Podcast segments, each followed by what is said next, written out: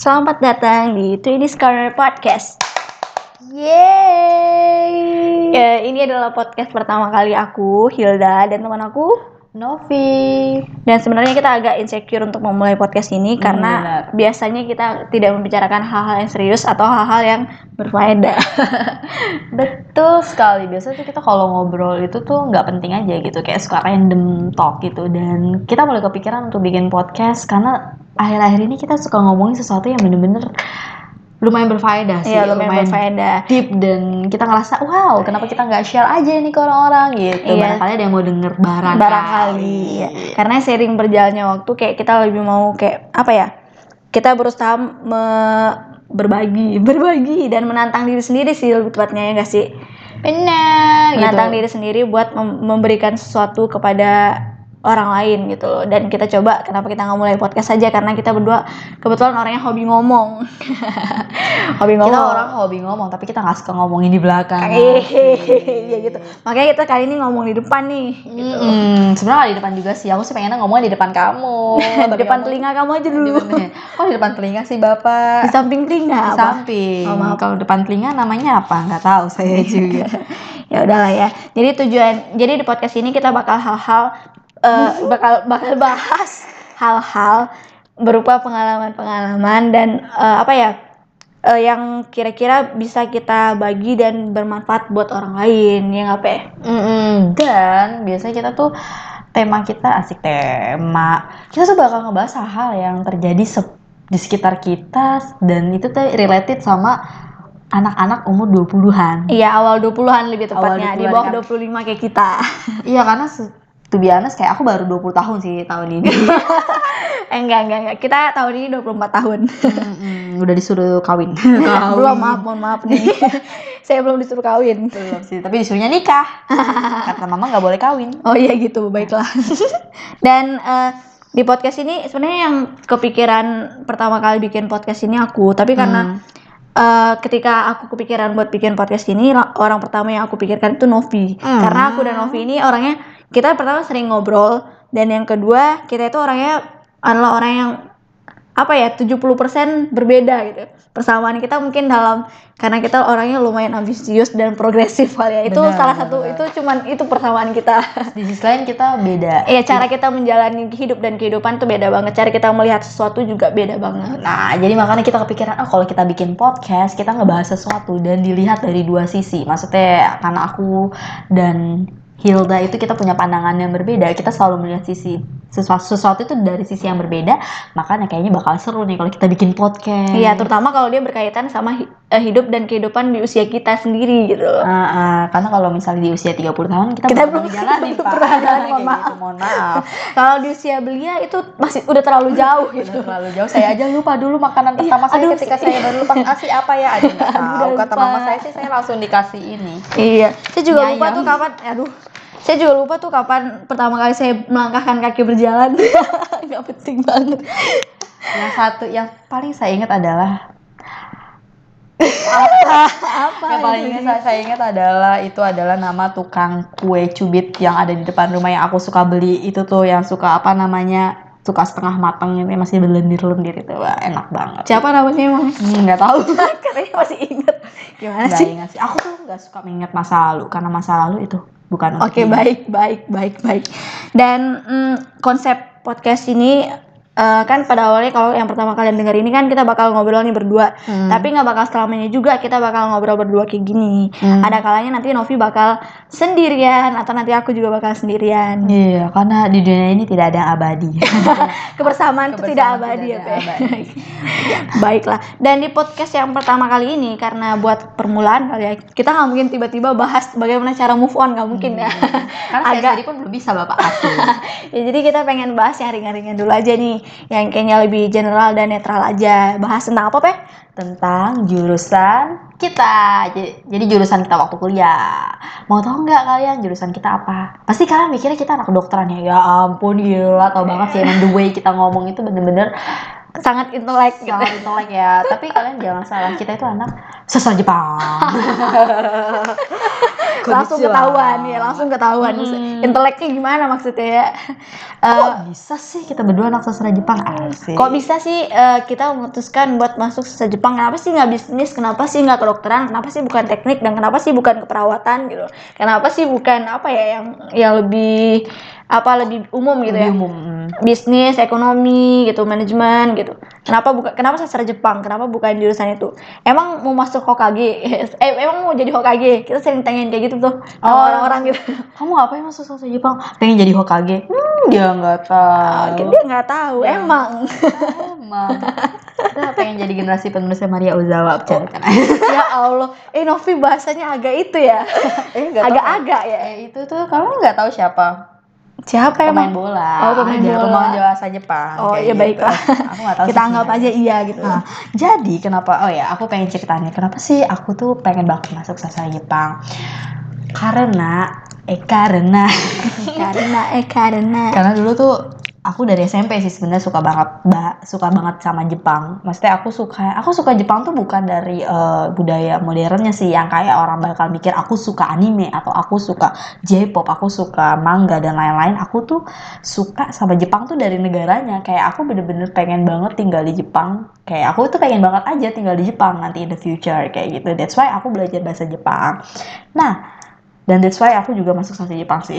Oh, kirain mau itu mau belajar aja gitu gimana bahasa penjajah. Oh, bukan. Bukan ya? Enggak, enggak, enggak, enggak. Oke. Gitu. Iya Kalau sih. Hilda sendiri kenapa sih pengen banget eh, Kayaknya kita kebanyakan bercanda ya. Padahal kita mau bahasnya agak serius loh. Eh, kalau aku sendiri sih alasan masuk sastra Jepang sebenarnya bukan karena suka juga sih, cuman karena ada sedikit insiden yang terjadi waktu misi eh, pilihan jurusan waktu SBMPTN tahun 2013. Jadi kita kuliahnya itu masuknya tahun 2013. Ada insiden di mana waktu itu sebenarnya aku mau masuk jurusan sastra Inggris, tapi eh, di pilihan ketiga aku eh, disarankan sama om aku buat ambil sastra Jepang karena katanya sastra Inggris sudah terlalu mainstream. kita anti mainstream kita anti mainstream gitu. Tapi eh, karena aku udah pes, eh, optimis untuk masuk di pilihan yang pertama buat lulus pilihan pertama ya udah aku milih secara random aja tuh ya udah pilih aja lah sastra Jepang paling gue, gue lulus pilihan pertama gitu. Tapi ternyata ternyata Tuhan memang nggak bersama orang-orang yang sombong. betul betul betul. Tuhan tuh bersama-sama orang yang santuy. Iya, santuy. Orang Tuhan nggak bersama orang-orang yang sombong. Dia sepertinya udah ditegur nih. Kamu kayaknya tidak pantas buat menerima pilihan pertama, pilihan pertama gitu. Kamu kayaknya harus diuji dengan pilihan ketiga. Ya udah, akhirnya masuklah di jurusan yang dipilih secara random itu. Mas, masuklah ke jurusan sastra Jepang tahun pertama bertemulah dengan aku di asrama Universitas mungkin kalau teman-teman bisa denger aja nih cluenya universitas kita Universitas Apaan sih? Ya ampun. Ya, pokoknya masuk di jurusan sastra Jepang ketemu sama Novi satu kamar dan itulah yang menyebabkan kita bisa akrab sampai hari ini. oh, oh begitu kok kita jadi perkenalan Iya, kok kita perkenalan lagi sih? Eh, nah, itu alasan masuk. Nah, kalau pertama kali reaksi apa ya? Kesan pertama waktu masuk sastra Jepang itu dari Novi sendiri gimana sih? Kalau aku dulu pertama kali masuk sastra Jepang reaksinya adalah pertama ada reaksi ngeliat kampus dulu. Iya. Gila demi apa pun ya ini kampus dari gerbang untuk ke gedung kuliahnya aja itu nggak bisa jalan kaki. Iya, nggak bisa karena bis. yeah. Mendaki gunung lewati lembah soalnya. Mendaki gunung lewat. Iya, udah lembah. dari awal tuh udah tercium apa ya hawa-hawa petualangan gitu. Makanya kita adalah generasi petualang. Apaan kita tuh di- eh, bisa jadi si bolang sebenarnya. Ya karena emang kampus kita tuh besar banget dan eh, apa ya jalannya itu nggak lurus gitu loh, nggak lurus, maksudnya nggak datar, tapi ada mendaki dan menurun gitu. Ha-ha, makanya ya ciri makanya kita tuh sekarang betisnya cantik-cantik karena kita kebiasa untuk naik. Ya kalau itu kesan pertama kampus, kalau kesan dan orang juga nggak tahu sih kampus kita di mana. dan kalau kesan pertama dari jurusan sastra Jepang sendiri gimana sih? kesannya itu dulu tuh aku mikirnya ya eh oh kalau masuk sastra Jepang pasti setiap hari ngomong bahasa Jepang nih. Uh pasti setiap hari ketemu sama orang-orang yang eh gayanya tuh Jepang banget gitu. Maksudnya gaya-gaya yang bener-bener Jepang banget lah kayak gitu. Ternyata pas nyampe ke sana enggak juga sih. Kayak ya kayak jurusan biasa aja. Maksudnya nggak kelihatan banget oh ini anak sastra Jepang nih kayak gitu. Iya, meskipun ada yang emang dia suka berdandan ala Jepang atau dia emang ngomongnya sehari-hari hmm Oni-chan ada juga yang kayak gitu tapi memang bukan karena dia jurusan sastra Jepang tapi karena emang anaknya dia yang suka Jepang dan suka nonton anime gitu Hmm. anime ya bukan anim Mm-mm. Kalau anime itu apa? Teman kita. Teman kita. Eh. Nang. Itu dia, itu kesan pertama. Dan setelah kita jalani jurusan kita jalani kuliah di jurusan sastra Jepang ini sendiri, sebenarnya eh, jurusan ini tidak sedangkal itu juga sih. Kalau orang kan mikir nih jurusan sastra mau masuk mau jadi apa sih gitu. Dan belajarnya paling gitu-gitu doang, bisa juga di- dari- bisa dapat dari kursus, bisa dari les gitu kan. Tapi sebenarnya eh, apa yang kita pelajari di universitas untuk eh, jurusan bahasa sendiri itu nggak sesederhana itu. Karena yang kita hadapi itu jauh lebih kompleks. Karena kita mempelajari ilmu linguistiknya. Bukan cuman gimana caranya biar bisa bahasa Jepang. Bukan sekedar itu aja. Dan tantangan tantangannya juga banyak banget. Kalau dari Novi apa nih tantangannya? Kalau aku menurut aku yang paling susah itu adalah kanji. Kanji ya aksara gitu ya Aksara ya aksara. Jadi kan di bahasa Jepang tuh mereka punya empat aksara. Ada hiragana, katakana, kanji dan juga romaji. Nah yang paling susah itu kanji. Kanji itu apa sih? Kanji itu itu tuh kayak kalau misalnya teman-teman ngeliat ya, itu tuh kayak aksara di bahasa Jepang tuh ada aksara yang mirip banget aksara Cina. Nah itu kanji itu tuh susah banget karena itu totalnya ada banyak banget ada 1945 dan satu kanji itu bisa punya banyak banget eh, cara, cara baca. baca Pokoknya susah banget lah, rumit banget seperti hubungan aku asik. Asik, curhat, terselubung. Iya, pokoknya emang tantangannya itu ada di kanji. Karena seperti yang Novi bilang tadi, misalkan satu kata nih diucapkan, eh, misalkan satu kanji, Hmm. ini cara bacanya ini gitu. Tapi kanji lain bisa jadi juga cara bacanya sama gitu loh. Dan ca- satu satu apa namanya satu kata ini bisa ditulis dengan beberapa macam kanji gitu bisa beberapa, beberapa macam kombinasi kanji dan satu buah kanji atau satu buah kombinasi kanji bisa berpotensi me- dibaca dengan beberapa cara baca juga Hmm. gitu. Makanya sekarang kalau bahasa Jepang sebenarnya kalau kamu nanya nih, eh kamu tahu nggak sih artinya ini? Kita harus tahu dulu eh kanjinya apa. Mm-mm, konteksnya dulu kali gitu. Konteks ya, Ah, ah, konteks konteksnya. kanjinya juga kita harus Ah, ah. tahu. Nah, misalnya gini, contohnya asik, kita sedikit kursus bahasa Jepang yaitu hana. Hana itu tuh ada dua artinya, bisa bunga, bisa hidung. Mm-mm, kayak gitu. Kalau mungkin dari segi ono, dari segi omongan bisa dilihat dari konteksnya. Oh, Hmm. apakah ini percakapannya lebih mem- apa memaksudkan hana yang hidung atau hana yang bunga. Dan kalau dari teks tulisan kita harus tahu kanjinya ini tuh kanji apa ya. Iya, kita harus bisa baca Hmm. kanjinya. Dan susah kan? Agak susah ini dengarnya udah ribet nih gitu, apalagi Hmm. menjalani. Ada yang mikir kayak gitu kali ya. Tapi emang kayak gitu kenyataannya. Bukan sebercanda itu, meskipun kira sastra apaan sih sastra Hmm. gitu. Nggak jelas aja kayak bisa aja gitu dipelajari kayak tapi nggak segampang itu gitu. Begitupun juga prospek kerjanya. Banyak orang yang meng-underestimate kan eh, jurusan sastra Jepang mikirnya mau jadi apa sih? Mau jadi Hokage gitu. mau jadi apa he sebenarnya kayak ada juga ah paling ujung-ujungnya jadi guru bahasa Jepang hei jangan salah guru bahasa Jepang itu lumayan ya sekarang Iya, lumayan karena sih. banyak orang karena bahasa Jepang juga sangat dibutuhkan saat ini Iya. dan bukan hanya jadi jurusan bahasa Jepang sekarang gini jadi mikir iya jadi gini banyak banget di sekitar apa yang kita gunain saat ini itu kan kita banyak banget nih produk-produk Jepang Produk ya, dari Jepang, mulai betul. motor, mobil sampai kloset, toilet Iya, pun elektronik pun banyak ya. elektronik, Mm-mm. nah, kayak Yamaha, Honda, Mm-mm, itu kan betul. Jepang ya. Nah, itu kan mereka punya pabrik-pabriknya juga dong, baik itu pabrik perakitan atau pabrik apa pun di sini. Iya betul. Dan rata-rata mereka itu punya ekspat, at- ekspatriat atau pe, apa namanya? Orang Jepangnya Orang Jepang yang ditugaskan ke sini gitu. Nah, itu tuh rata-rata mereka kan banyak yang nggak bisa bahasa Mm-mm, Inggris. betul. Di situlah dibutuhkan kita sebagai ex, eh, interpreter atau penerjemah dari orang-orang ekspat ini. Ada juga memang yang perusahaannya nggak ada ekspatriat nih, nggak ada orang luar negeri, tapi eh, memang Buat hubungan dengan sana. menjembatani antara cabangnya Indonesia dengan cabang yang ada di Jepang. Sangat berguna sekali jurusan sastra Jepang ini. Asik. Asik. Iya kan kalau misalnya gini, ada misunderstanding antara Jepang dengan Indonesia, berabe dong. kayak Iya. gitu. Mm. Nah, tapi ya sebenarnya nggak hanya apa ya, sebenarnya nggak hanya yang related sama bahasa Jepang. Misalnya orang mikirnya, ya aku malas lah kerja yang hubungan sama bahasa Jepang, soalnya bahasa Jepang aku, aku nggak terlalu pede dengan bahasa Jepang aku. Hmm. Banyak banget tuh alumni sastra Jepang yang kerjanya itu tuh nggak related sama bahasa Jepang. Contohnya Tapi- nih kayak si Hilda Khairunisa kerjanya jadi apa sekarang? content writer. Jadi kalau misalkan kita ngambil jurusan sastra Jepang, yang kita pelajari jurusan sastra Jepang itu bukan cuma bahasa Jepang, bukan cuma bahasa Jepang, tapi juga bahasa dan linguistik secara umum. Jadi kita juga bakal belajar tentang bagaimana cara bahas, cara berbahasa, susunan kalimat, tata bahasa dan sebagainya dan sebagai macamnya. Yang itu nggak cuman bisa diterapkan dalam satu bahasa saja Betul, gitu. betul. meskipun emang ada perbedaan tapi emang kayak eh, linguistik itu secara umumnya itu sama gitu.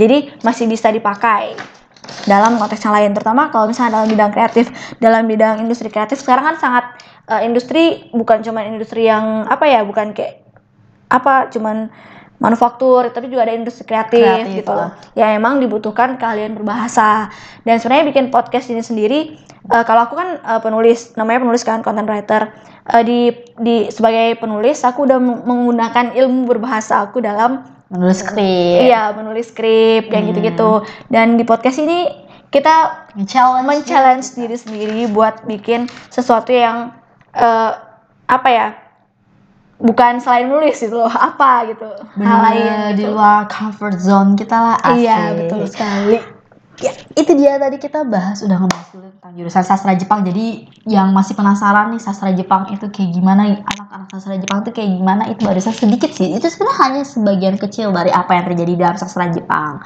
Dan jadi kita mau bener-bener nge-break eh, stereotype tentang anak-anak sastra Jepang tuh kebaikan wibu. Wibu apa? enggak. Wibu sih?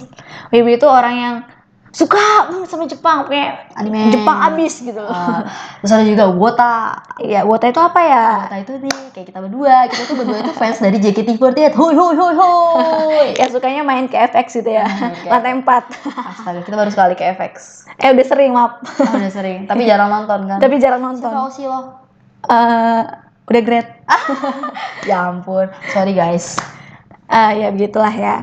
Eh, jadi nggak semua orang nggak semua anak sastra Jepang intinya eh, selalu dan melulu hanya tahu tentang Jepangan juga di kampus kita sendiri, di jurusan kita sendiri itu yang suka sama K-pop, yang suka sama eh, budaya-budaya apa yang barat kebarat-baratan juga banyak gitu.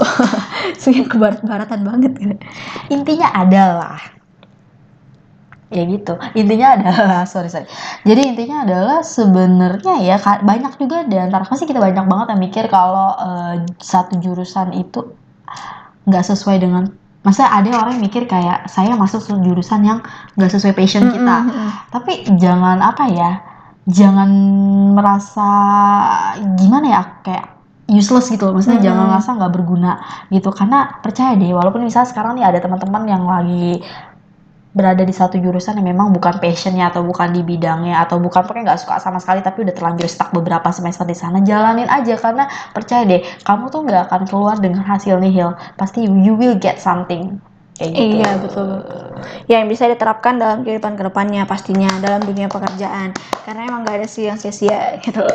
tidak ada satupun di dunia ini yang sia-sia demikianlah sekilas apa Ya apaan sih? Ya pokoknya itu aja sih eh, podcast kita tentang sastra Jepang. Eh, kurang lebihnya kita minta mau, mau kita minta maaf kita mohon maaf sekali karena memang ke kita pasti jayus deh jayus buat series karena kita baru pertama kali bikin podcast tapi kita berjanji kita akan menjadi orang yang lebih baik ya semoga di podcast ke depannya kita bisa bikin konten yang lebih baik dan kita belajar lagi cara menyampaikannya dengan lebih baik lagi. selamat Semoga bermanfaat dan sampai jumpa di podcast selanjutnya. Bye bye.